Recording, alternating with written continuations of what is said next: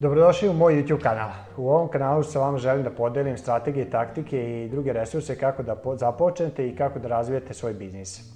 Kada sam 2007. godine pokrenuo svoj biznis, to je dosta išlo, išlo trapovi i sporo. I sad gledajući 12 godina unazad, četiri stvari koje bi drugačije uradio su sledeće.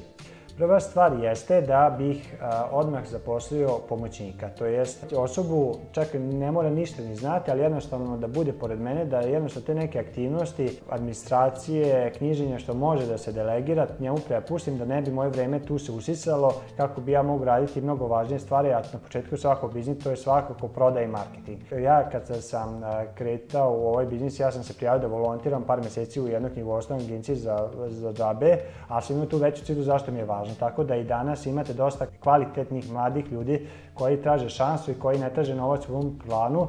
Potrebno da im date razlog i viziju nečeg većeg i vidjet ćete da ćete onda sebi otvoriti mnogo prostora da se posvetite bitnim stvarima. A druga stvar jeste ne bih se fokusirao na novac, nego bih se fokusirao na odnose. To znači da ne bih ulazio u odnose sa ljudima koji mi se ne sviđaju na prvi mah. Znači, par grešaka sam napravio da su ljudi došli kod mene i dali mi odmah novac na sto da mi vodim knjige, bez obzira znajući šta se tu nalazi i šta će oni raditi. Čak sam posle, posle su mi dolazile i poreska policija i poreske inspekcije zbog nekih klijenta koji su bili kod mene tri meseca, a ja sam jednostavno, kada ste na početku, onda se fokusirate da imate što više novca, ali to je baš velika greška. I sad jednostavno, kad uđemo u saradnju sa novim klijentima, jednostavno klijent mora prvo da dođe kod nas da sed da razgovara, a, da se detaljno upoznamo, da vidim šta je njemu važno, čak, a pre toga imamo neki upitnik gde jednostavno mora da popuni i to su neki koraci gde ja jednostavno filtriram sa kime želim da radim i s kime ne želim da radim. I to je greška što tad nisam znao, znači nisam bio striktno oko toga. I to bih naravno popravio. A, treća stvar koju bih uradio jeste da bih dokumentovao sve sisteme i procese koji se rade.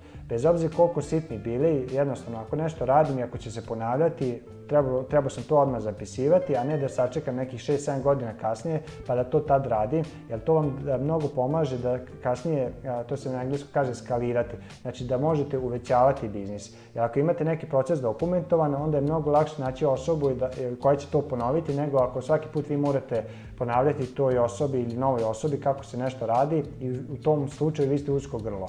I eto, to je neka stvar, ako bih radio recimo od 2007. prvi put izvode, ja bih to dokumentovao na papiru tad kako se radi, korak 1, korak 2, korak 3 i tako dalje. I onda bih tu osobu što sam rekao da bih našao pomoćnika, onda bih njemu prepuštao, ne bih ja recimo 5 godina radio te istu stvar, firma bi trpela. I četvrta stvar koju bih drugačije uradio jeste da bih počeo nedeljno da merim i pratim ključe pokazatelje. Ono što se meri, to se poboljšava. A, to, eto, nisam bio mudar da ranije shvatim, sad jesam i ja sad svaka ponedeljka kad sednem sa a, timom A, timom B ili sa timom iz Beograda ili Niša, mi prvo što uradimo jeste pogledamo ove a, ključe pokazatelje iz prethodne nedelje i onda vidimo, znači ako je u trendu super, ako ima nekih odskakanja ili pada, onda vidimo šta je uzrok i vidjet ćete i sami, znači treba da identifikujete te ključne mere u svakoj tri faze biznisa. Recimo prva faza su marketing, druga, druga faza su pravljanje vaših proizvoda ili kod nas je ispunjavanje naših usluga računovodstvenih i treća faza, faza su financije. I možete sasvim neke jednostavne mere, nema nikakve komplikovane mere.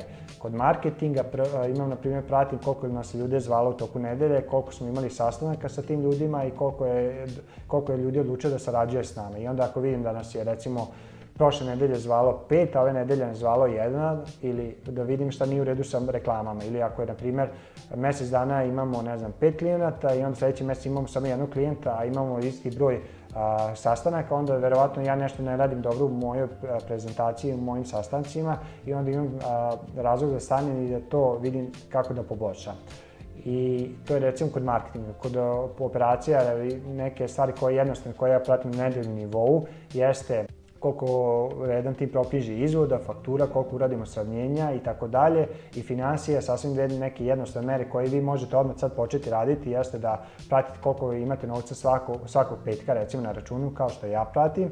I možete pratiti recimo koliko ste imali uplate u toku te nedelje. I onda vidite da li ta cifra raste, opada, stagnira i onda ćete vidjeti kad počnete da pratite onda ćete početi da vam padaju neke ideje kako to da poboljšate. Ali ako ne pratite, jednostavno onda lovite mutom i može proći meseci i godine da ništa ne uradite i da tapkate u mesto. I u zaključku četiri stvari koje bih ja uradio drugačije 5-12 godina da počinjem i koje vama predlažem da uradite. Nemojte gledati na novac, nego gledajte da razvijate dobre odnose sa, sa vašim klijentima, kupcima, mušterijama. Nađite pomoćnika koji će vas izbaciti iz operative i vama stvoriti vreme da se posvetite bitnim, bitnim stvarima a to je, kao što u većinu ovih videa stalno ponavljam, to je marketing, izgradnja tima i sistema. Treća stvar je počnite sve da dokumentujete, znači sve sistemi i proces koje imate firme počnite da dokumentujete i četvrta stvar je počnite da merite vaše ključe pokazatelje. Nadam se da vam je ovaj video koristan. Ako vam se sviđa moj YouTube kanal i želite da ga pratite, možete se prijaviti i do sledećeg videa veliki pozdrav!